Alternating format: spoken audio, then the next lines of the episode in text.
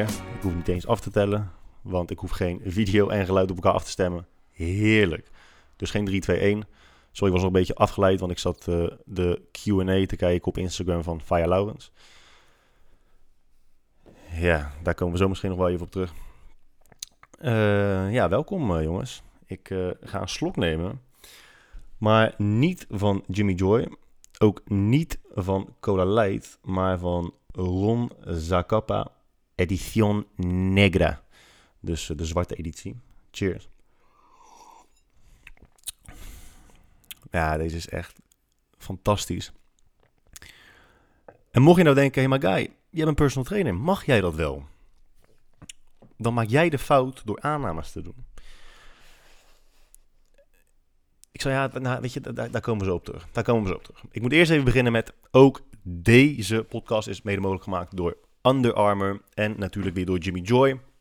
Heb je nou interesse in Jimmy Joy, uh, dan kun je Jimmy Joy bestellen op jimmyjoy.eu met kortingscode GUY-droog. Geeft je 10% korting.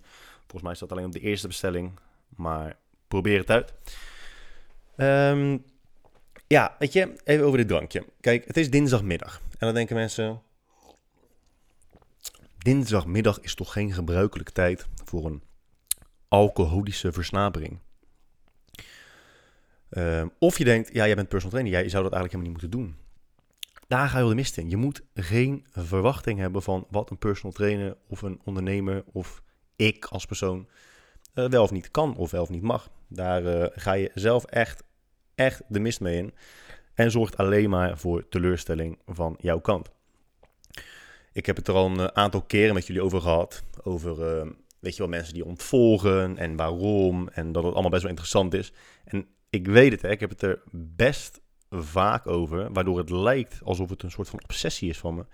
Maar ik heb ook al vaker gezegd dat, de, um, dat psychologie me heel erg interesseert. Waarom mensen bepaalde dingen doen, waarom mensen bepaalde niet, dingen niet doen. Uh, dat, dat, dat dat heel erg interessant is. Um, dus ik dacht, ik ga een aantal redenen met jullie delen waarom een aantal mensen mij onlangs hebben ontvolgd. En dan ben ik ook heel erg benieuwd hoe jullie daarin staan. Um, de enige reden dat ik het hier over kan hebben, is omdat mensen die naar mijn podcast luisteren, waarschijnlijk mij wel volgen en niet hebben ontvolgd. Ik zou het heel bijzonder vinden, maar ook heel interessant, als er mensen zijn die mijn podcast van uh, een uur lang afluisteren en mij vervolgens niet voor op, op Instagram. Maar misschien ben ik op een podcast wel minder irritant dan op Instagram. Dat kan ook hoor. Ik heb trouwens geen licht, want die lampen die heb ik laten staan bij uh, de sportschool, Perfect Performance. Dus dat is top. Dus ik heb weer lekker uh, uh, licht uit 1998. MSN Messenger webcam licht. Maar goed, doe het er even mee. in ieder geval, oké, dus ik, er waren een aantal mensen. Ongeveer, laat ik zeggen dat ongeveer 150 à 200 mensen per maand, twee maanden mij ontvolgen. En als er iemand tussen zit waarvan ik denk, hé, hey, ik, ik ken jou best, best aardig. Of uh, we hebben best een aantal keren contact gehad. Of je bent klant van mij geweest of van ons geweest. Of je hebt een cursus bij ons gedaan. Af en toe denk je dan, laat ik eens even vragen waarom jij mij hebt ontvolgd. En laat ik ook gelijk zeggen dat van alle mensen die ik dat ooit heb gevraagd, één persoon tot nu toe gewoon heeft gezegd, luister, ik werd gewoon helemaal gek van je en ik kon het niet meer aanhoren. Dus heb ik je ontvolgd. Daar heb ik echt oprecht respect voor. Dus um, de reden dat ik begon over dat drankje, over dat mensen denken, ja, maar hè, ik, vind het echt, ik vind het echt heel raar dat jij nu een rummetje drinkt. Ten eerste, ten eerste um, drink ik er één. Dus het is niet dat ik dadelijk heel de dag niet meer kan functioneren.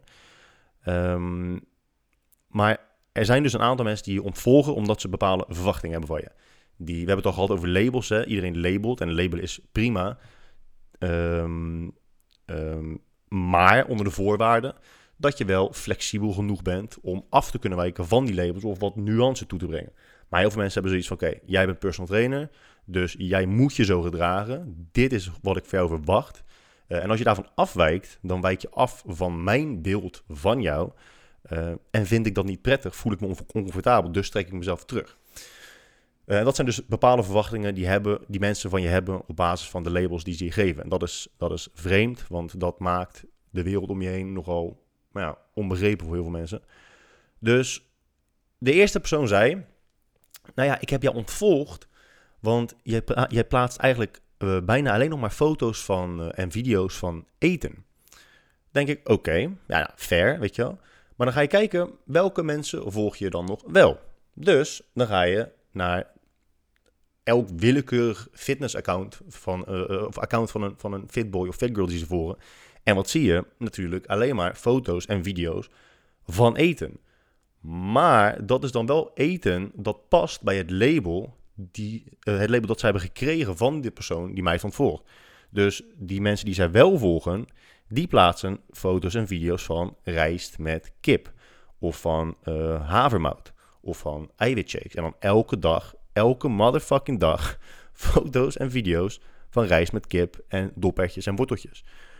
Dus dan denk ik, oké, dus iemand die lekker eten plaatst en gevarieerd eten plaatst, uh, waar je misschien van kunt leren, dat wil je niet meer. Want dat past niet bij je beeld dat jij hebt van hoe een personal trainer zich moet opstellen.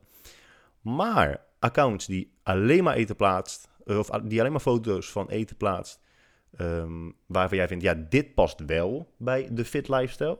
Dat zijn foto's en video's van eten die je wel tolereert. Dus gaat het dan om, de, om het plaatsen van de foto's en video? Of gaat het omdat iemand iets doet wat niet strookt met jouw beeld van de wereld? En eh, dan denk ik dat het de tweede is. Maar die eerlijkheid naar jezelf toe is natuurlijk, uh, is natuurlijk best lastig. Uh, want het zijn uiteindelijk allebei foto's van eten. Iemand anders, die zei... Ja, jij post eigenlijk uh, niet meer zo heel veel video's van hoe je traint. Ook, ook eens. Um, ik ben een klein beetje overgestapt, zeker in mijn stories, naar video's plaatsen van hoe andere mensen trainen. Ik geef het toe, niet heel vaak, maar wel af en toe. En de reden daarvoor is, als ik zelf train, is het over het algemeen hetzelfde. Ik bench, ik squat, ik deadlift. Uh, met cliënten, omdat, je, omdat er veel meer variatie in zit, laat ik zien wat zij doen, zodat mensen daar iets van kunnen opsteken. Um, ah, goed verhaal, lekker kort. Ik heb zo een scheidtekel aan die grappen. Ik ga er gewoon acuut van zweten. Maar um, denk, nou, daar leren mensen dan van. Um, dan, dan uh, krijg je een, een wijde variatie in oefeningen te zien. En daar heb je misschien wat aan. Maar dat willen mensen niet. Mensen hebben toch echt liever dat ik blijf posten hoe ik een chestfly doe. Of ze blijven toch liever zien hoe alle fit girls weer een, een donkey kick doen voor de miljoenste keer. Uh, dus ook daar kom je weer uit op het feit dat mensen gewoon niet om kunnen gaan met dat het beeld dat ze van je hebben anders is dan hoe je daadwerkelijk bent. En dan kom ik uit op het volgende, want um, ik zat net dus naar het, de stories te kijken van Faya Laurens. Heeft een Q&A gedaan. En gek genoeg, omdat uh, sinds mijn podcast gaat het af en toe over drugs. En daar heb ik ook een aantal keren benadrukt dat mensen gewoon niet eerlijk kunnen zijn over hun drugsgebruik, over whatever. Daar zijn mensen, vooral in de fitnessindustrie, niet eerlijk over.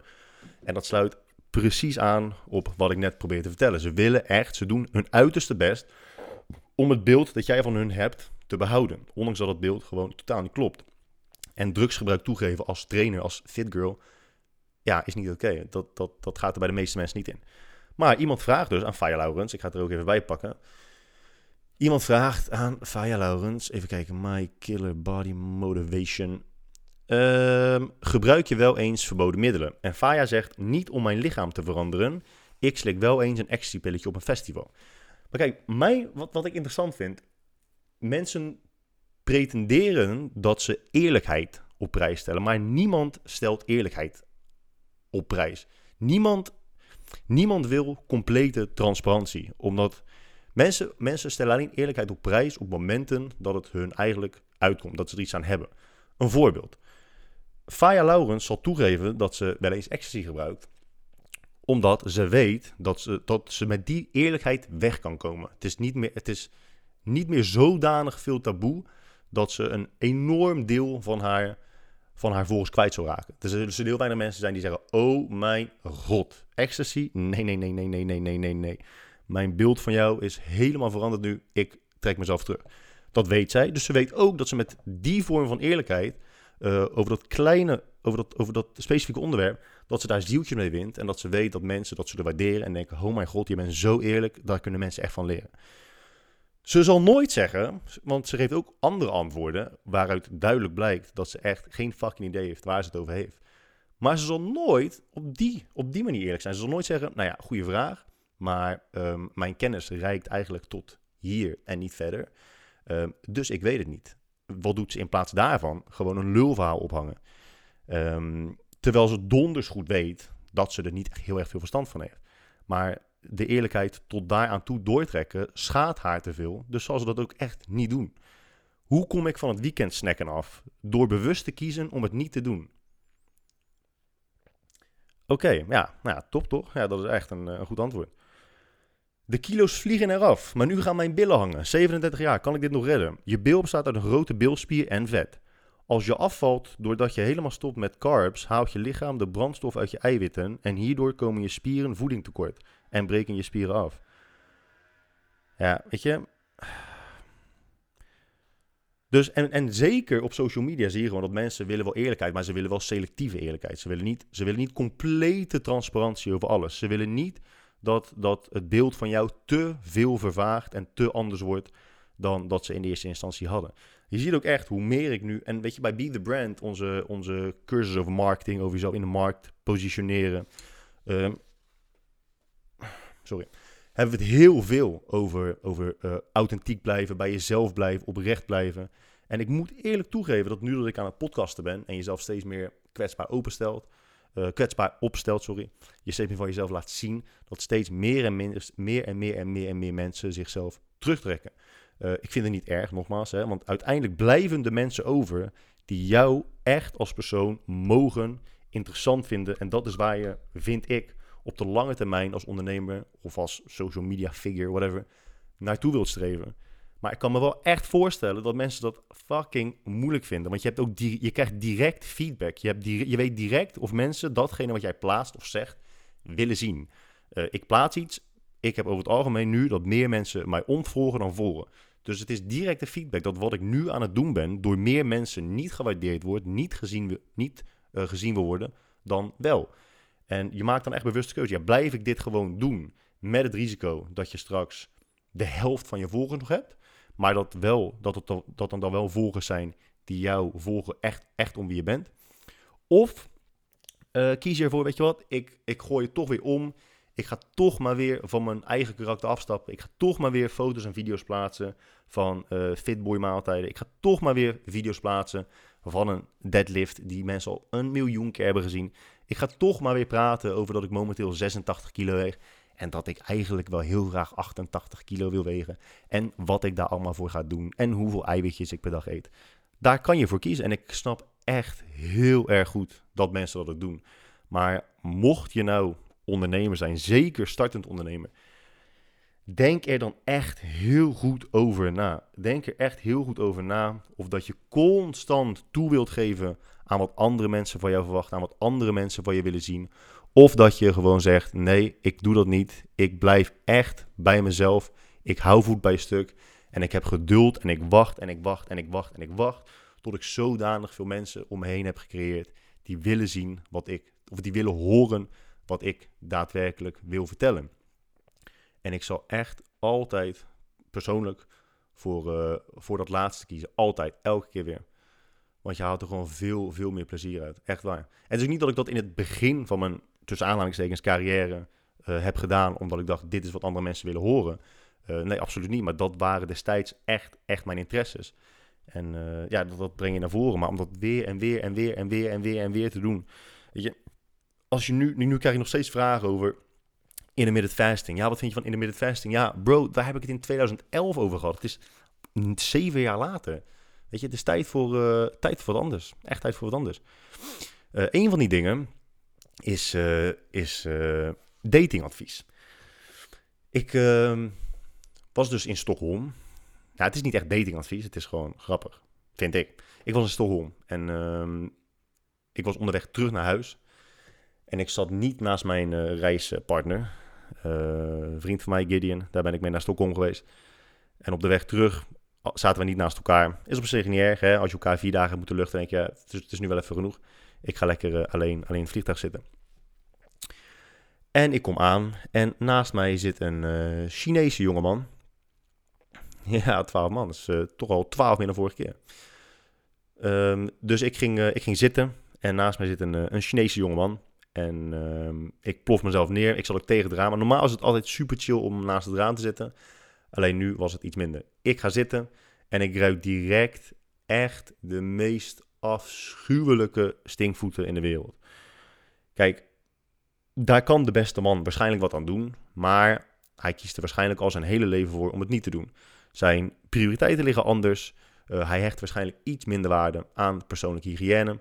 Dus ik kan er wel iets van zeggen, maar de kans is heel klein dat hij direct iets kan veranderen aan de Parmezaanse kaas tussen zijn tenen. Dus ik uh, draai dat knopje open, weet je, boven me voor, uh, voor de ventilatie. Zet ik vol open, zodat het langs mijn neus uh, waait. En ik heb er dus geen last meer van. Maar wat doet hij vervolgens? Hij. Uh, fucking. hij, hij, hij heeft zijn iPad heeft hij op het tafeltje voor zich gelegd, weet je wel? Voor zich. En, en hij, hij buigt voorover. Um, en hij kijkt een film. En vervolgens, en ik, ik, dit is de, de samenvatting, hè, want het duurde echt heel lang. De vlucht is zeg maar anderhalf uur, iets langer. En hij begint in zijn baard. De mensen die meekijken of die de video kijken, die hebben hier iets aan. De mensen die alleen luisteren, hebben hier iets minder aan. Maar goed, hij begint dus in zijn baard, te, of hij heeft geen baard, want het was een Chinees. Hij begint over zijn wangen te wrijven, uh, want hij had nogal overmatige talgproductie. Dus hij begint te wrijven en te wrijven en te wrijven. En dat duurde echt 4, 5, 6, 7 minuten. En hij wrijft en hij wrijft. En op een gegeven moment kijkt hij naar achter. Hij, brengt zijn hoofd naar achter. En hij kijkt naar zijn vingers. En hij... Godverdomme. En hij begint één voor één... begint hij zijn vingers te ruiken. ik dacht, uh, nou ja, top. Weet je, niet uh, heel chill dat ik uh, naast deze vent zit, langer dan anderhalf uur. Maar oké, okay. zag ik zag het letterlijk door de vingers. Maar vervolgens gaat hij dus naar zijn jukbeenderen. En hij begint weer te wrijven. 4, 5, 6, 7 minuten. Je ziet gewoon de schilfers en, en de talg zie je gewoon verzamelen op zijn vingers. En jou weer op, hoofd naar achteren. naar zijn vingers kijken en gewoon, en gewoon één voor één zijn vingers afsnuffelen. Nou, zonder te dollen. Hij ging echt vanaf zijn jukbenen ging hij naar zijn slaap. Ging hij naar zijn wenkbrauwen, naar zijn voorhoofd, naar zijn haarlijn. Is hij echt vanaf de voorkant van zijn haarlijn en die bij mij begint uh, steeds hoger. Voorkant van zijn haarlijn is hij helemaal naar zijn achterhoofd gegaan. Achter zijn oren. Hij heeft anderhalf uur lang overal de talg van zijn hoofd en haar afgehaald. Om vervolgens, om vervolgens aan al zijn vingers te ruiken. En op een gegeven moment had hij door dat ik naar hem zat te kijken. Want ik zat echt naast hem van... Bro, ben je nou, ben je nou fucking serieus? Maar dus, dus op een gegeven moment had hij dat door. En elke keer als hij dan, voordat hij aan zijn vingers rookt... dan zag je hem zo door zijn ooghoeken zo naar mij kijken. Om te kijken of hij nog steeds aan het kijken was. Maar ik keek en dat deed hem nog steeds niks. En weer aan zijn fucking, fucking vingers ruiken. Maar uiteindelijk is dat wel iemand die de nieuwe iPhone of de nieuwe Tesla of de nieuwe Facebook uh, bedenkt. En ik heb gewoon een podcast met tien kijkers, dus eigenlijk moet ik mijn bek dicht houden. Maar ik vind het best wel interessant. En dan denk je, als iemand dus al anderhalf uur lang met zijn handen bezig is... en elke keer vingertje voor vingertje alles af gaat ruiken denk je, nou, deze kerel moet toch goed met zijn, goed, goed met zijn handen zijn. Gaan we landen, komt de stewardess en die zegt, uh, meneer, kunt u uw tafeltje uh, inklappen? Die gozer weet gewoon niet hoe hij zijn tafeltje moet klappen. Hij probeert zijn tafel in te klappen en het lukt hem gewoon niet. Een fucking vliegtuigtafel. Het is dichtklappen en één knopje. Het is niet een knop. Dat dingetje naar beneden doen. En het lukte hem gewoon niet. Hij, hij, hij ging afkijken bij mij hoe ik mijn tafeltje had dichtgeklapt. Holy shit. Maar alsnog gaat hij waarschijnlijk de fucking nieuwe Facebook bedenken. Aziaten zijn overal beter in. Altijd als je denkt, nou ja, hier ben ik best, best goed in. Dan is er altijd een 12-jarige Chinees op, YouTube die echt honderd keer beter is dan jij. En hij, was, uh, hij had ook wel echt zeker zijn, uh, zijn talenten. Ze waren alleen niet heel erg smaakvol. Uh, we gaan het zo meteen wel over Stockholm hebben, want dat is een, het is een interessante stad. Echt een hele interessante stad. Maar wat ook interessant is, was dat wij gisteren stroomuitval hadden. Het was ook op het nieuws, althans op uh, het hele lokale nieuws, Rotterdam-West. Uh, Rotterdam-West zat zonder stroom en er waren ongeveer 10.000 plus mensen zonder stroom. ik las ook dat de, dat de mensen vastzaten in de lift. Ah, dat is echt zo kut, want het was volgens mij om half elf of zo. Moet je denken, dan je, heb je een lange werkdag gehad, ben je om fucking half elf, tien uur half elf ben je klaar sta je in de lift en dan valt de stroom uit en dan zit je in de lift. Oh, dat is echt kut. Maar wel echt heel grappig als je niet de persoon bent die in de lift staat. Wat ik ook grappig vond, en sorry dat ik uh, je daarom moet, soort van uit moet lachen, uh, mevrouw, waarvan ik de naam even niet weet. Die zei, ja, ik ben echt blij dat je nu een andere achtergrond hebt bij je podcast. Want ik was afgeleid door die vlinders elke keer, want ik heb een, een, een vlinderfobie. Holy shit. Een vlinderfobie. Dat is hetzelfde als je, ik heb een, een fobie voor teddybeertjes of voor liefde of voor Cupido. Vlinders. Vlinders zijn zo lief en mooi. Hetzelfde als je zegt, ik heb een fobie voor gapende konijnen. Heb je wel eens een konijn zien gapen? Dat is echt het allerschattigst in heel de wereld. Moet ook wel zo dat als je, een vlinder, als je echt inzoomt op een vlinder, dat, je, dat, je, dat, ja, dat het dan wel creepy is. Maar ja, zo zie je ze niet van een afstandje. Vlinders zijn echt super mooi. En die vlinders zijn ook eens blauw. Moet je wel nog allemaal een naam geven. Maar um, ja. Oh ja, dus ja, er was stroomuitval. Je zit in een lift. Hartstikke kut. Maar wat nou zo bijzonder is. In ieder geval, ik was, uh, de, de accu van mijn vriendins auto was uitgevallen. Dus die had ik, had ik uh, opgeladen. En schijnbaar moet je dan dus met de auto gaan rijden om de accu op te laden.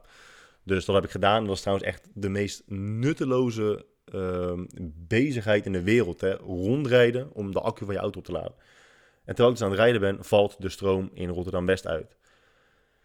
Oh, we vinden onszelf zo'n ontwikkeld, modern soort. En dan valt de stroom uit en we verlagen onszelf echt gelijk weer naar de Neandertalen.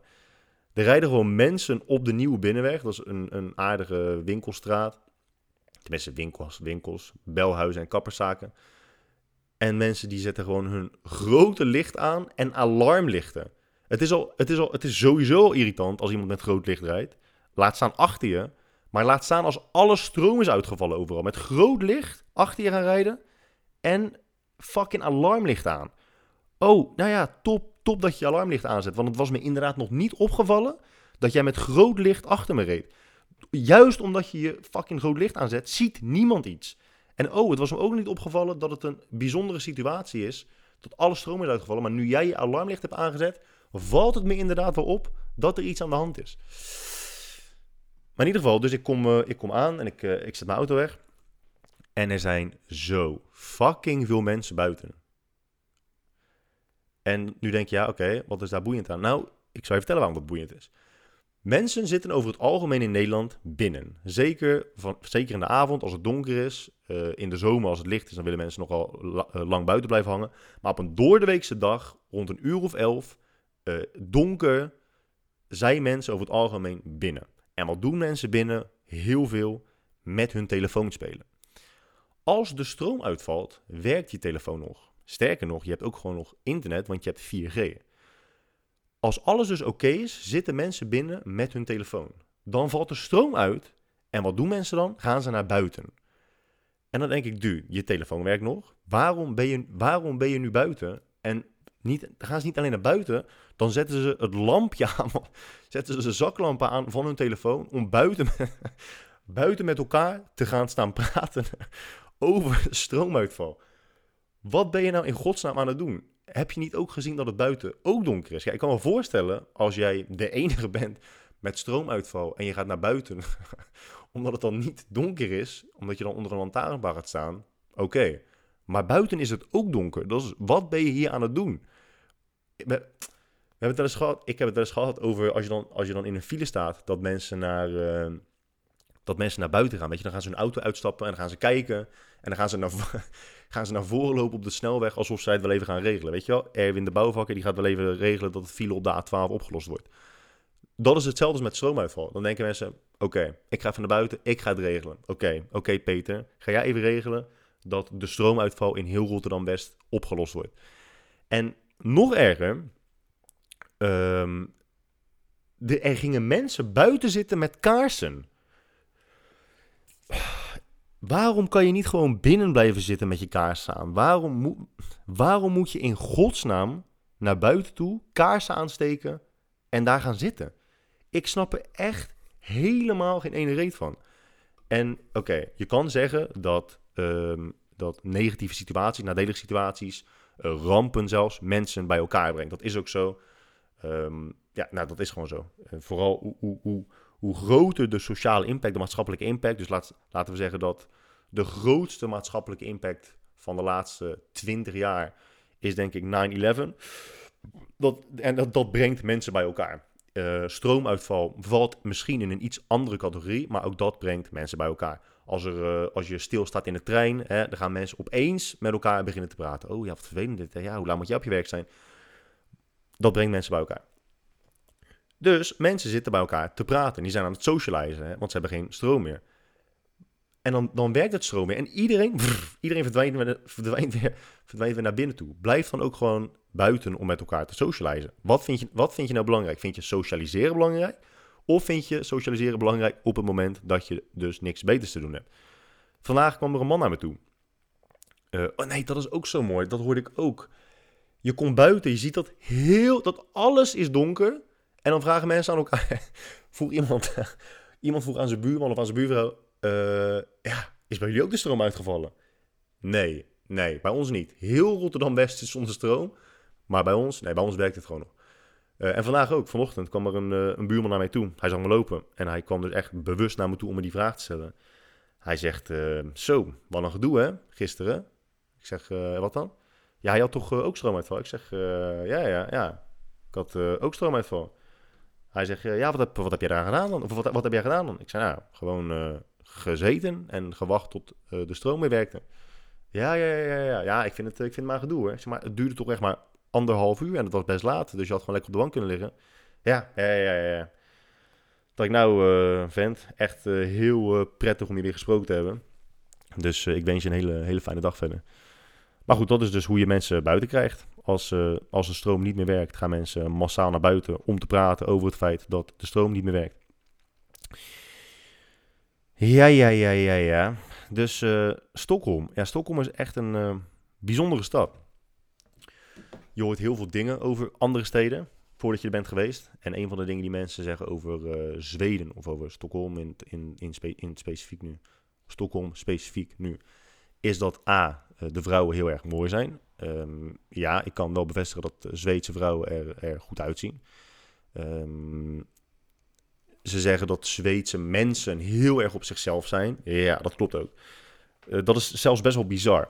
Ten eerste, als je er bent, is alles heel erg kalm. Het kan druk zijn, hè? dus kalm en druk kan echt wel samengaan. Want er zijn geen blaaskaken. Het is, dus je kan superveel mensen hebben, maar iedereen is gewoon rustig. Niemand doet moeilijk, niemand is aan het schreeuwen, niemand wordt lastiggevallen. Iedereen is heel erg chill. Zelfs de drugsverslaafden en de, en de zwervers zijn heel erg chill daar. Je hebt bedelaars die komen naar je toe en dan zeg je nee. En dan gaan ze gewoon weer weg. Nou ja, in Rotterdam is dat echt niet het geval hoor. Dan blijven ze gewoon achter je aan wandelen totdat je ergens een keertje de hoek om, omgaat. Ehm, maar mensen op straat zijn ook heel erg op zichzelf. Ehm, soms zelf tot een beetje creepy toe. Als jij eh, de deur openhoudt voor iemand, of als je iemand gewoon aankijkt en glimlacht. En dat kan een man zijn, een vrouw zijn, oud, jong. Dat vinden ze best wel raar. Soms zijn ze er echt van verbaasd. Ehm, nou ja, de vrouwen zien er dus in, in Zweden wel echt eh, goed uit. De man- de de man-vrouw verhouding is ook best ehm, krom of zo. Er zijn veel meer goed uitziende vrouwen dan mannen. Maar, eh, nou goed, ze zijn dus heel erg op zichzelf. Bijvoorbeeld, ik, was in een, ik, liep in een, eh, een, een, ik liep een zaak in om te eten. En ik wil ergens langs. En er staat een kind van, nou, wat zal ze zijn? Vier. Eh, een, een, een, halve baby nog. Half baby, half mens. En ik wilde langs, maar dat kon niet. Dus ik glimlach naar haar. Hè, zoals je naar een baby glimlacht. Eh, van, oh, lieve baby. En ik eh, doe mijn hand eh, op de hoofd. En ik draai dat. Ik draai dat. ehm, ik draai eromheen. En ik kijk die moeder aan. En die moeder, zonder te overdrijven, kijkt me oprecht gewoon aan. Alsof ik met mijn penis bloot naar haar baby toe liep. Het was, ze was echt. Ze stond gewoon te walgen. En ik dacht: holy shit. Wat de fuck heb ik nou verkeerd gedaan? Ik moet, toch, ik moet er toch langs? En ik spreek geen Zweeds. En ik spreek ook geen baby. Dus hoe ga ik die baby wegkrijgen? ehm, zonder haar heel lichtelijk, vriendelijk aan te raken en er gewoon omheen te lopen. Maar goed, schijnbaar, eh, schijnbaar zat, ik, eh, zat ik helemaal fout. Ehm, maar dat soort dingen zie je, dus, eh, zie dus best wel veel. Dat je echt denkt, ben ik nou echt een fucking psycho of, of, of ligt het naar jou? Maar wat dus gek is, is dat s'avonds verandert dat echt helemaal. Ehm, s'avonds verandert dat echt helemaal... Nee, nee, het, ik zeg het verkeerd. Het verandert niet. Je moet het meemaken om te begrijpen. Maar ik ga het wel proberen uit te leggen. Dus overdag zijn mensen op zichzelf. eh, vermijden ze oogcontact. Je ziet, je ziet ze echt actief oogcontact vermijden. Maar ze zijn niet onvriendelijk. Maar op het moment dat jij dus uh, gaat stappen. In ne ik zal een ander voorbeeld geven. Als je in Nederland uitgaat, vooral in Rotterdam, Amsterdam, Den Haag, Utrecht. Nou, Utrecht minder. Als er iemand tegen je aanloopt, um, als iemand hard tegen je aanloopt, dan uh, gebeurt dat één keer. En daarna doen ze dat niet meer. Uh, in, in, zeker in Rotterdam is er altijd wel een beetje een sfeer van: oké, er zou op dit moment, er zou, elk moment wel iets kunnen gebeuren. Um, mensen vermijden wel elkaar, die gaan niet dwars door je heen. In Zweden, nope, vergeet het maar. Iedereen loopt echt dwars door je heen. Toen ik in Cannes was met een paar vrienden, toen uh, de eerste dag, uh, de eerste dag, eerste uur dat we daar waren, dachten we, nou, we gaan even lekker lunchen. Dus we dachten, we gaan een hotel in en we nemen drie burgers en drie cola light. Oprecht, drie burgers, en dan bedoel ik gewoon een normale hamburger, en drie cola light afrekenen, 150 euro. Op dat moment kun je twee dingen doen. Je kan denken, oh mijn god, wat is dit duur? Ik heb het niet naar mijn zin, ik wil weg. Alsjeblieft, doe mij, maar, doe maar weer lekker een uitsmijten met kaas in, uh, in Nederland in een of andere brasserie. Of je kan gewoon direct accepteren van ja, oké, life sucks. Dit gaat echt een hele fucking dure vakantie worden. Maar ik leg het neer omdat ik het anders niet naar mijn zin ga hebben. Dat moet je in Zweden ook doen. Want de eerste vijf minuten dat jij in de club staat heb jij al zoveel haar, zoveel ellebogen, zoveel nepwimpers van anderen in je mond en in je uh, neusgaten en in je oren gehad. Dat je of kan denken, nou, ik vind het echt verschrikkelijk. Of je legt het gewoon direct naast je neer, zodat je het naar je zin kan hebben.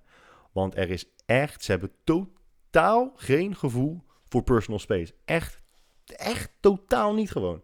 En ik weet dat het klinkt alsof ik overdrijf. Misschien ben je zelf ook wel eens in Stockholm geweest en denk, ja, dat heb ik echt niet meegemaakt. Maar we hebben het elke avond in verschillende clubs meegemaakt. En het, het, nogmaals, het kunnen mannen zijn, het kunnen vrouwen zijn, ze kunnen jong zijn, ze kunnen oud zijn. Op het moment dat je uitgaat, zijn, ja, maar het is ook niet, het is ook niet dat dan daardoor de sfeer seksueel wordt. Als jij als vrouw zijnde in Nederland, in een grote stad, uitgaat en jij gaat letterlijk met je achterhoofd zo bam tegen de neus van een man staan om vervolgens gewoon een gesprek voor te zetten met de persoon met wie je aan het stappen bent, is er echt 0% kans dat die gast niet met zijn klootzak tegen jouw billen aan gaat wrijven. Dat, is, dat gebeurt gewoon niet. In Zweden is daar gewoon echt geen sprake van. De sfeer is zo niet seksueel, maar wel constant lichamelijk contact. Het is echt fucking raar. Maar ook gewoon gasten dus, hè. Dus je kan gewoon ergens staan en dan is de afstand tussen mij en de persoon voor mij net zo groot als de afstand tussen mijn mond en de microfoon voor me. En dat is echt 4 centimeter. En dan kan er dus gewoon een motherfucker zijn die aankomt en denkt: Oh, hier pas ik nog wel even tussen. En die, die propt zich dezelfde tussen om vervolgens, om vervolgens voor je te gaan staan en te gaan dansen. Dat je denkt: Nou, dit, dit kan gewoon echt niet waar zijn. En op een gegeven moment dat ik dus de realisatie kreeg van: Jep, dit is dus wel echt zo. Dit is echt waar. En dit gaat heel de avond zo door. Ja, ik kwam gewoon echt, ik kwam echt niet meer bij. Ik, ik stond echt met tranen in mijn ogen gewoon echt te huilen van het lachen. En dat is dus het mooie. Op een gegeven moment gaan mensen je aankijken van... Wat de fuck is er mis met jou? Ik ben dan weer de idioot. Ik ben wel de, mo de mogol die buiten het bootje valt. Terwijl ik denk, hebben jullie nou echt niet in de gaten... wat je allemaal aan het doen bent? Ik heb, jou, ik heb letterlijk jouw haar net gegeten en dat had je niet eens door. Maar dat is daar dus heel normaal. Dat is daar echt, echt heel normaal. Um, maar voor vrouwen is het ook echt top. Ik heb geen één vrouw lastig gevallen zien worden. Wel lastig gevallen, maar niet lastig gevallen zien worden. Echt gewoon, gewoon nul. Het gebeurt echt niet. Zelfs niet aan het einde van de nacht als mensen uh, dronken worden, want ze drinken wel fucking veel daar. En ja, het klopt inderdaad, je betaalt voor alcohol uh, best wel veel. Ik heb meer dan regelmatig uh, Gideon, die vriend van mij waar ik mee was, horen zeggen van... Hey, ken je deze al? 40 euro voor twee bier. Ja, we hebben echt... Ja, je betaalt gewoon soms gewoon 10, 15 euro voor een biertje. Gin tonics gaan uh, voor tussen de 15 en 20 euro. Dat is op zich in Nederland ook wel steeds meer zo. Maar bier voor 10, 15 euro, ja, dat is aan de stevige kant. Maar desondanks drinken mensen daar fucking veel. En op het moment dat ze dus vervelend worden, want ze worden ook echt... Ja, nee, ze worden ook niet echt vervelend, maar wel openbare dronkenschap. Gewoon maximale openbare dronkenschap. wordt nog steeds niemand lastiggevallen. Ik heb niemand gearresteerd zien worden. Ik heb geen vechtpartijen gezien. Helemaal, helemaal, helemaal niks. Dus het is heel, heel apart. Dus voor vrouwen, stappen voor vrouwen in Stockholm is echt perfect. Als je bereid bent om ehm, in Nederland een 9,5 te zijn en vervolgens naar Zweden te gaan en een, een 6 te worden. Maar ja, dat is gewoon, dat kan. Horeca is echt fantastisch daar. Je hebt daar ook heel veel eetzaakjes. Gewoon dat je goed kunt eten. En dat daarna, na het eten, dat restaurant in een, in een goede club verandert. In Nederland is het vaak zo, dan heb je of kut eten. Oh, dat klonk een beetje verkeerd. Uh, of matig eten en dan vervolgens uh, verandert het in een, in een oké club. Maar je hebt nooit echt geweldig eten en dan daarna ook echt een geweldige club. Dat, dat heb je niet zo heel veel. Terwijl dat ja, echt fucking nice is. Dan kan je gewoon lekker eten, blijven en vervolgens dansen, als je daarvan houdt. Als je daarvan houdt. Maar al is, uh, is Stockholm wel echt, echt een aanrader om naartoe te gaan. Echt heel erg van genoten. Zo. Ja, we hadden dus een, uh, een suite. En ik heb het ook eens gehad over je, je moet je battles een beetje kiezen. Hè? Kiezen welke strijd je aangaat en welke niet. En ook over service, service verwachten. De vorige keer, de vorige podcast zei ik, ik vind niet dat je verwachtingen mag hebben. We hebben het net ook over verwachtingen gehad. Maar je mag alleen verwachtingen hebben van mensen als ze jou beloven. Uh, dat, ze, dat ze je beloven iets te geven, van iets te voorzien. Of als je ze betaalt. Dan vind ik dat je echt, echt hele concrete verwachtingen mag hebben van mensen. Uh, een hotel is, is hetzelfde. Dus wat was er gebeurd? We hadden je, had, je had in dat hotel had je vier soorten kamers. Je had de standaardkamer, je had de superieure kamer, je had de, de, de deluxe kamer en dan had je een suite. Dus je had vier niveaus. En wij hadden gekozen voor twee kamers van niveau 3. Dus tweemaal de, de luxe kamers. De ochtend van vertrek krijgen we een mailtje met um, uh, het bericht dat onze kamers geannuleerd waren, omdat ze overboekt waren.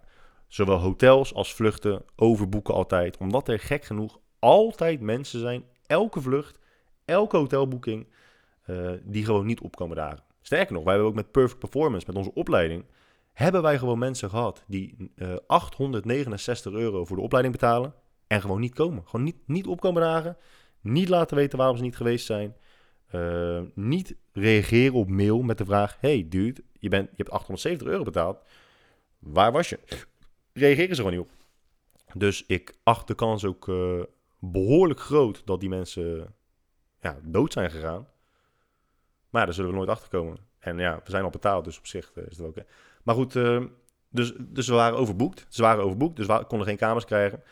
Dus uh, die vriend van mij bellen. En hij krijgt te horen van, nou luister, we zijn inderdaad overboekt. Maar wat we je kunnen bieden zijn twee standaardkamers, dus niveau 1 in plaats van niveau 3. Voor een bedrag dat hoger ligt dan wat jullie hadden betaald voor de deluxe kamers. Dat is op zich geen hele goede deal. Maar omdat we onderweg waren, dachten we, weet je wat, we bespreken dat wel in het hotel.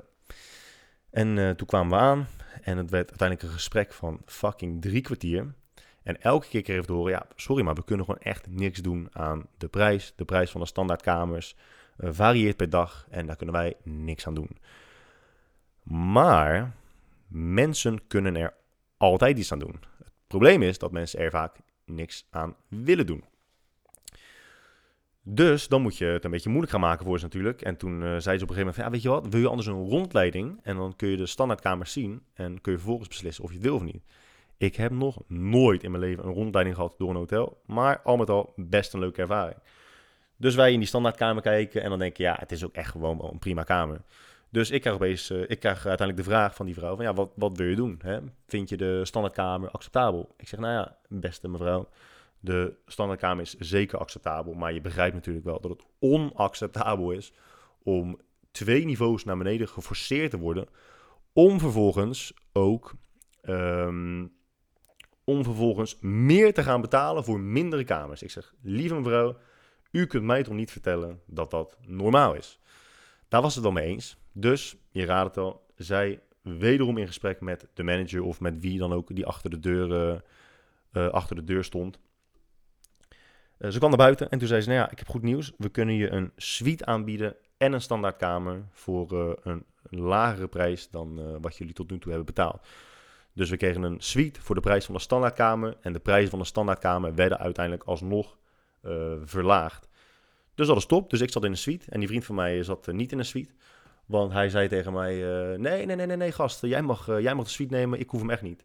En toen zei ik: Nou ja, oké. Dat is goed. Als je zo aandringt, dan vind ik dat, vind ik dat top. Terwijl ik dit verhaal aan het vertellen ben, wat overigens ook niet een heel boeiend verhaal was, want de mensen die haken gelijk massaal af, is er iemand op de YouTube-chat die een, een vraag stelt. En ik ga die gewoon lekker even voorlezen, want ik kan niet de podcast bezighouden en hardop praten en dan in mijn hoofd iets anders lezen. Guy, mag ik jouw mening over het volgende? Ik liep laatst met mijn vriendin in de stad en een groepje jongens, ongeveer 20 jaar, waren mijn vriendin aan het nafluiten. Op dat moment ging het heel snel. Ik wou opkomen voor haar, maar tegelijkertijd dacht ik, het zijn vijf jongens en tegenwoordig kan je gewoon een mes in je buik verwachten. Ik voelde me best schuldig over, omdat als ik mezelf even in haar positie plaats, dan zou ik me wel veilig en beschermd willen voelen bij mijn vriend. Uh, Oké, dus het gaat, je bent een, oké, sorry, je bent een man, ja. Ze heeft er verder niets van gezegd, maar het zet me wel aan het denken hoe ik de volgende keer op zoiets ga reageren. Vind ik een hele interessante man. Het is ook een, uh, een onderwerp die ik regelmatig bespreek met, uh, met mijn vrienden. Uh, dus vind ik best, best een leuke vraag. Ik woon dus in Rotterdam-West en het is geen hele beste buurt. Ehm, ja, hoe ga je dit zeggen? Zonder. Ik ben echt geen racist. En ik ben ook niet van het uh, etnisch profileren. Maar de meeste mensen die in deze buurt voor problemen, veroorza- uh, voor, problemen zorgen, zijn niet van Hollandse afkomst. Daarmee zeg ik overigens niet dat Nederlanders niet voor problemen kunnen zorgen. Daarmee zeg ik ook niet dat buitenlanders altijd voor meer problemen zorgen dan Nederlanders. Uh, ik zeg alleen dat in de wijk waar ik woon, de meeste mensen die voor problemen zorgen, niet van Nederlandse afkomst zijn. Dat maakt mij geen racist. Dat maakt mij op dit moment gewoon een hele genuanceerde podcast. Um, en in de cultuur van de mensen die hier in deze buurt wonen, is het, lijkt het vrij normaal te zijn om ook inderdaad uh, na te fluiten en te roepen. En zodra de dames in kwestie geen antwoord geven, om uitgescholden te worden voor hoer of kutwijf of arrogante stoephoer, uh, et cetera. Maar de vraag is inderdaad, op welk moment ga je daar iets van zeggen? En wat kun je als reactie terug verwachten? En is, die, uh, is het waard om die reactie te riskeren? Het onderwerp waar wij het vaak over hebben in mijn vriendengroep is: zou je er wat van zeggen? Racist, iemand. zou je er wat van zeggen als iemand uh, naar je vriendin kijkt? Kijk, vrouwen vinden het sowieso niet prettig als jij een of andere fucking macho bent die er elke keer iets van gaat zeggen als iemand naar jouw vriendin kijkt. Sterker nog, wat ik in mijn vorige podcast zei, ik vind het prettig om een knappe vriendin te hebben. Ik ben geen fucking moraalridder die zegt nee, uh, uiterlijk is voor mij niet belangrijk. Jawel, ik heb seks met je uiterlijk, niet met je innerlijk. Dus ik vind, nou ja, ik heb, in die zin heb je wel seks met uh, wat, wat erin zit. Maar je hebt seks met hoe iemand eruit ziet. Dus het is prettig als die persoon er goed uitziet. Als jouw vriendin of als jouw vriend er goed uitziet, is de kans heel groot dat andere mensen dat ook opvalt en daar dus naar gaan kijken. Je kan er ook gewoon voor kiezen om dat als vlijend te beschouwen. Maar het omslagpunt ligt bij mij, en niet alleen bij mij, maar ook bij mijn vrienden. Het omslagpunt komt op het moment dat andere mannen doen alsof jij niet bestaat. Ik vind het een heel groot verschil tussen als mijn vriendin thuis komt, alleen, en die zegt, ja, ik liep net buiten en er waren gasten naar mij aan het fluiten. Of die uh, waren me aan het naroepen. Of dat ik er zelf naast loop en mannen gaan naar haar fluiten of, uh, of naroepen. Dus echt gewoon jouw bestaan negeren. Dat is voor mij wel het punt dat ik er iets van zou zeggen of er iets aan zou doen. Want dat is gewoon, de, ja, dat is gewoon in mijn optiek de, de grootste vorm van een gebrek aan respect die je kunt hebben voor een andere man. En overigens ook gewoon voor een vrouw. Maar dan is je vraag alsnog heel terecht, vind ik, van... Uh, ja, ga je, ga je een potentieel mes in je buik riskeren voor je vriendin laten zien dat je voor haar opkomt?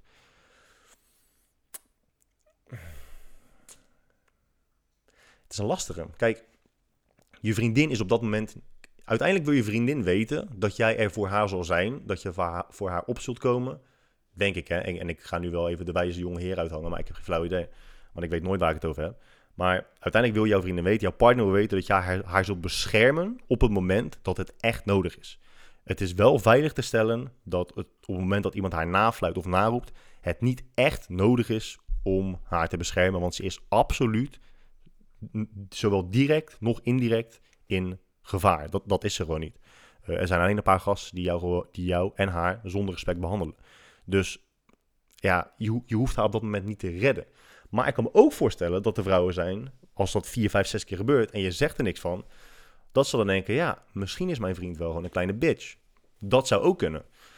Um, ja, maar goed, weet je, er is, er is hier gewoon geen goed antwoord voor. Dat kan je uiteindelijk altijd alleen maar achteraf zeggen. Op het moment dat jij er wel iets van had gezegd en die, hadden, die gasten hadden gezegd: Oh ja, sorry man, sorry, ja, je, hebt, je hebt gelijk. Die kans is trouwens heel klein. Dat iemand, dat iemand direct zegt: Ja, nee, inderdaad, ik zat ernaast en de volgende keer dat we je zien, zullen we dat niet doen. Die kans is heel klein. De kans is groter dat ze zeggen: Wat, wat, wat, wat, wat, wat, wat, wat, wat. En uh, je met vijf man helemaal naar de tyfus slaan dan zou je vriendin uiteindelijk achteraf zeggen: Ja, gast, uh, ik vind het heel lief dat je, me, uh, dat je voor me op bent gekomen. Maar je hebt nu geen tand meer in je bek. En dat was het toch echt niet waard. Zowel voor mij niet als voor jou niet. Dus misschien moet je dat in het vervolg niet meer doen. Dus ik denk dat je in dit geval de goede keuze hebt gemaakt. Als het één persoon is, misschien twee, oké. Eh, het risico nemen om tegen vijf man op te komen, ja, Nee, ik denk dat jij uh, de goede keuze hebt gemaakt. En ik vind wel, godverdomme, het lijkt nu echt een fucking Dr. Phil show. Maar uh, ik vind ook wel dat het, het, het, is wel iets wat je zeker bespreekbaar zou moeten kunnen maken met je partner. Van, hè, lieve schat, luister, dit en dit is er gebeurd. Ik zit er eigenlijk wel een beetje mee, omdat ik misschien nu het gevoel krijg... Uh, misschien jou nu het gevoel geef dat je denkt dat ik niet voor je op zou komen. Maar ik hoop dat je het met me eens bent dat er geen direct gevaar was voor, voor jou en ook voor mij niet. En dat als ik iets van had gezegd, dat het dan wel was, was gebeurd. Maar um, ja, dat is wel iets wat je, wat je bespreekbaar zou kunnen maken. Dan weet je ook beter waar je partner waarde aan hecht en waar haar prioriteiten liggen. Ja. Ja, het is wel een, het is een interessante. Ik heb zelf nooit echt, echt, echt gevochten. Uh, alleen uh, met mezelf, met mijn innerlijke demonen. Maar bijvoorbeeld Doan, die heeft dat uh, weddingszaal. En, en hij zegt ook heel duidelijk, kijk, op het moment dat jij um, gaat staan klokken met iemand en je slaat die persoon totaal los. Op het moment dat dat is gebeurd, ben jij de bad guy. Hè? Mensen kijken jou aan op straat alsof jij echt een fucking psychopaat bent. En hij zegt dat gevoel dat jij echt, echt oprecht het idee hebt dat je voor jezelf of voor iemand anders bent opgekomen. Maar vervolgens iedereen om je heen jou aanstaat te rapen alsof je een, een massamoordenaar bent, is ook echt niet heel chill. En nogmaals, er zijn inderdaad echt wel genoeg steden in Nederland waarbij als jij iemand naar, helemaal naar de tyfus slaat, dat de kans heel groot is dat er daarna weer iets gebeurt waar jij weer op moet reageren. En dat escaleert alleen maar. Dat escaleert, escaleert, escaleert, escaleert. Mensen kiezen voor nature van voor escalatie. Er is een onderzoek geweest.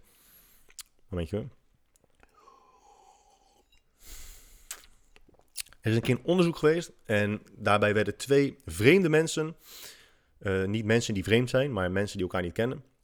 Die werden tegenover elkaar geplaatst op een stoel. En vergeef me als de details enigszins verkeerd zijn, maar voor mij was dat, is dat wel de strekking van het onderzoek. Twee mensen worden tegenover elkaar geplaatst, kennen elkaar niet. En um, vervolgens drukt een van hen drukt op een knop en ziet dat zodra ze op die knop drukken, de persoon tegenover hun pijn voelt. Vervolgens krijgt de ander, dus die zojuist pijn heeft ervaren, krijgt de keuze, de keuze, keuzen, de keuze om uh, op een knop te drukken, waardoor de persoon tegenover hen meer pijn voelt dan dat zij hebben ervaren, of ervoor kiezen om op een knop te drukken, waardoor zij minder pijn krijgen.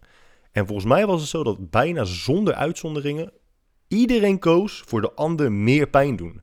En je raadt het al, zij kiezen, zij ervoor om de ander meer pijn te doen. Vervolgens krijgt de persoon tegenover en weer de keuze. Ja, waar ga je voor? Wil je escalatie of wil je de-escalatie? En bijna iedereen kiest er bijna altijd voor om te escaleren. Terwijl het is zo logisch dat als je gewoon kiest voor de-escalatie, dat er uiteindelijk geen probleem meer overblijft. Maar het is zo fucking moeilijk om op zulke momenten, zeker als het om een ander gaat, want ik vind het, ik vind het veel makkelijker om confrontatie uit de weg te gaan als het voor mezelf gaat, dan als het voor mijn uh, om, uh, om familie gaat, vrienden, uh, kibaatje. um, dat is veel moeilijker om dan te kiezen voor de-escalatie. Maar het is wel echt veel beter. Alleen op dat moment controle behouden over je emotie. Even tot rust te komen en misschien gewoon een gesprek aangaan. Ja, dat, dat, dat is gewoon echt heel erg lastig. Ik zal nooit zeggen dat dat eh, iets makkelijks is. En iemand die zegt dat het wel makkelijk is, woont waarschijnlijk in een of andere flutdorp waar nooit, nooit iets gebeurt. Behalve dat je tractorband leeg is. Maar in grote steden ja, loop je wel echt vaak tegen dat soort situaties aan hoor. En dat is, eh, kan lastig zijn. Maar ik vind het ook wel leerzaam. Zolang je die neergestoken wordt en doodgaat, is het uh, een hele leerzame situatie. Dus ehm, probeer, dat, probeer dat zo lang mogelijk uit te stellen. Wel interessant man, dat je zo met zo'n vraag komt. Dat is wel het voordeel van een live feed. Dat mensen gewoon kunnen zeggen van, hé, hey, ik heb een vraag. Want dan kan ik doen alsof mijn podcast gewoon uh, een uur lang duurt. Terwijl ik eigenlijk na 20 minuten al uh, geen, uh, geen stof meer heb. heb. ja, wat is er nog meer gebeurd afgelopen week? Niet heel veel buiten die vlinderfobie. Zo, oh fuck, nee, er is wel iets gebeurd. Maar ah, nee, ik ga dat echt niet vertellen. Ik heb, het, ik heb het in deze podcast nu al zo vaak over stront gehad. Dat ik het gewoon eigenlijk niet nog een keer zou kunnen doen. Maar ik overweeg toch om het te doen. Want.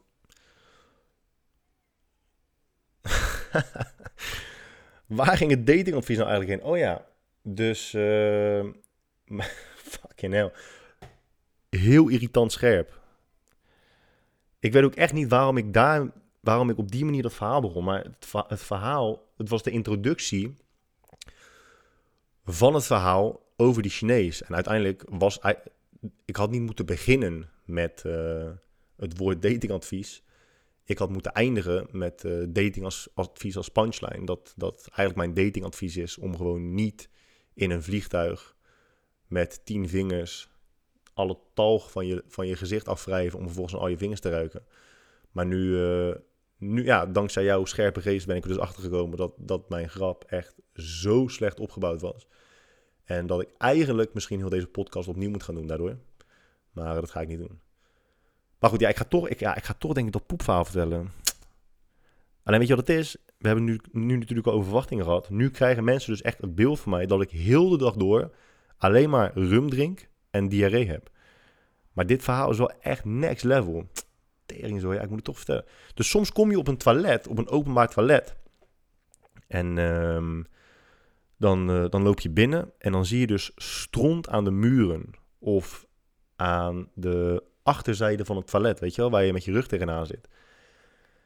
En ik ben nu op dit moment 30.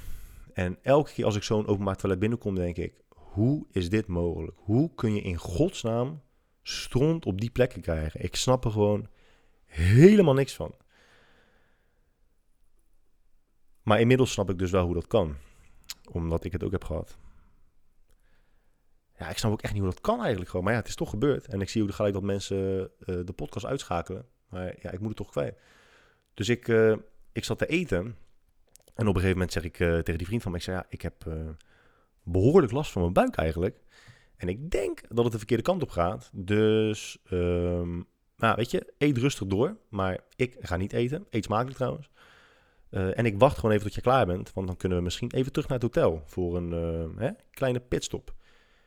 Dus uh, hij eten, eten, eten, eten, eten. En ik voel echt gewoon vanaf mijn schaamstreek tot aan de onderkant van mijn borst voel ik gewoon borrelen en knorren. En ik dacht, nou wat overkomt mij? Dit heb ik echt nog nooit meegemaakt. En jullie weten dat ik best wel wat poepjes heb afgelegd in het leven, maar dit had ik echt nog nooit meegemaakt. Dus op een gegeven moment uh, was hij klaar en hij zegt, ja, wil je naar het hotel of wil je hier naar de overkant? Want hier binnen heb je, kan je met de lift naar boven en heb je een, een, een, een afgelegen openbaar toilet. Dus dat zal wel schoon zijn. Ik dacht, top. Dat openbare toilet was inderdaad schoon, totdat Guy droog binnenkwam. Want, uh, nou, dames en heren, ik ben echt, echt... ja, ik ben er echt niet trots op, maar ik, uh, ik ging zitten en het was Kijk, normaal als je diarree hebt, dan uh, stroomt het eruit, weet je. Dan is het alsof je... Mm, dan is het alsof de... Weet je, heb je wel eens een, een tuinslang gezien die losschiet van de kraan... en dan vervolgens overal heen spuit? Nou, dat, dat is normaal diarree. Maar nu was het echt gewoon... Ik heb natuurlijk ook het verhaal verteld over prostaatonderzoek. En dat als er dan een vinger van een dokter in gaat, van voor 1 of 2 centimeter, dat je dan denkt: holy shit, dit is verkrachting. Op dit moment ben ik gewoon aan verkracht. Ik weet niet wat mijn anus precies deed, maar volgens mij ontstond er echt een diameter van 10 centimeter. En het was alsof in één keer mijn volledige darmkanaal er in één keer uitkwam. En ik kijk achter me en ik, ja, het zat echt, het zat gewoon overal. Het was echt, het was echt niet te doen. Ik moest gewoon een openbaar toilet schoonstaan maken. Want ik heb dan nog wel, ik ben nog wel goed genoeg opgevoed. Dat ik denk, ja, ik kan dit echt, ik kan dit echt niet achterlaten. Want als ik dat doe, dan heeft iemand straks in Zweden een podcast dat hij zegt, nou, ik was vandaag op openbaar toilet en ik weet niet wat ik daar aantrof. Maar het was echt, het was gewoon een scène uit Kill Bill. Het was, e-, het was niet normaal. Ik moest oprecht voor de spiegel gaan staan van het openbare toilet. Op mijn tenen staan, omdraaien. Om te kijken waar het allemaal zat. Ja, jezus mina zeg. En ik dacht al dat ik echt de meest beschamende dingen had meegemaakt. Maar dit is wel echt een nieuwe laag. Ik liep naar beneden en met een compleet, compleet verslagen blik. Uiteraard zei ik tegen die vriend van me, ja, ik zeg ja, ja, we moeten echt even, we moeten echt even terug naar het hotel, man. Want het, was, het, was, het was echt niet oké. Het was echt, echt niet oké. Dus ik ga nu, vanaf nu, zeg ik ook, als ik nu ooit nog een toilet binnenkom en ik zie dat er gewoon overal shit zit, zal ik nooit meer, um, zal ik nooit meer zeggen, hoe kan dit nou? Ik zal altijd begripvol zijn. Ik zal vanaf nu altijd begripvol zijn voor mensen die een openbaar toilet echt compleet verwoesten. Dus zie je, dat is ook onderdeel van volwassen worden. Hè? Dat hoort echt gewoon bij volwassen worden. Op een gegeven moment ben je 30, je maakt nieuwe dingen mee, je leert jezelf kennen in nieuwe situaties. En dat je denkt, ja, dit is toch allemaal zo'n verdomd leerzaam proces. En dit was toch een van die dingen. En uh, uiteindelijk ben ik toch wel blij dat uh, dat het is gebeurd. Uh, pardon. Hey, dames en heren, we zijn weer een uur voorbij. Ehm, ik ga nog niet afsluiten. Ik wil nog één keer zeggen, tenminste niet nog één keer, ik ga, ik ga het weer zeggen, maar ik blijf het ook gewoon zeggen. Dat in november hebben wij de Fit Fair. En Fit Fair is een, een fitnessbeurs. Is hartstikke leuk. Want je hebt alles. Hè? Je, hebt, je hebt voor de professionals, je hebt voor de leek. Je kunt influencers ontmoeten. Je kunt uh, mensen met uh, podcasts ontmoeten. Uh, Doan en ik gaan er ook heen. Wij hebben zowel zaterdag als zondag geven wij een Perfect Performance Clinic. En mocht je nou dus iemand zijn die altijd al heeft gedacht van ja, ik zou best wel zo'n clinic een keer, keer willen volgen, maar het is mij net iets te duur, of veel te duur.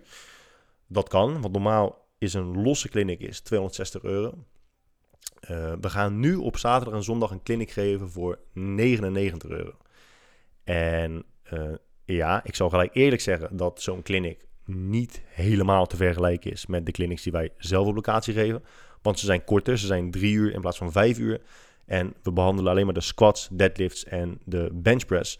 En per oefening besteden we een. Uh, we geven per oefening een uur. Ja, we nemen een uur de tijd per oefening. Sorry. Ik wilde die zin op de best mogelijke manier zeggen. En uiteindelijk koos ik dus voor de derde variant. Uh, een uur per oefening. En ja, normaal gesproken is het, is het bij ons natuurlijk gewoon heel anders. Maar het is wel een hele goede manier om kennis te maken met ons, uh, onze manier van werken. En ik garandeer je ook dat je gewoon uh, best wel wat waarde uit die clinic zult halen. Dus nogmaals, mocht iemand zijn die denkt, ik wil best wel een keer zo'n clinic proberen. Check dan de Fit Fair. Volgens mij is het 24, 25 november. Google gewoon even Fit Fair Utrecht, Fair Jaarbeurs. Dan, uh, dan zie je het wel voorbij komen. koop dan een ticket. Een ticket is volgens mij 22 euro of 20 euro of zo. Um, ja, en dan kun je uiteindelijk kun je, je inschrijven voor onze clinics. We hebben alleen maar op zaterdag en op zondag ruimte voor 20 man.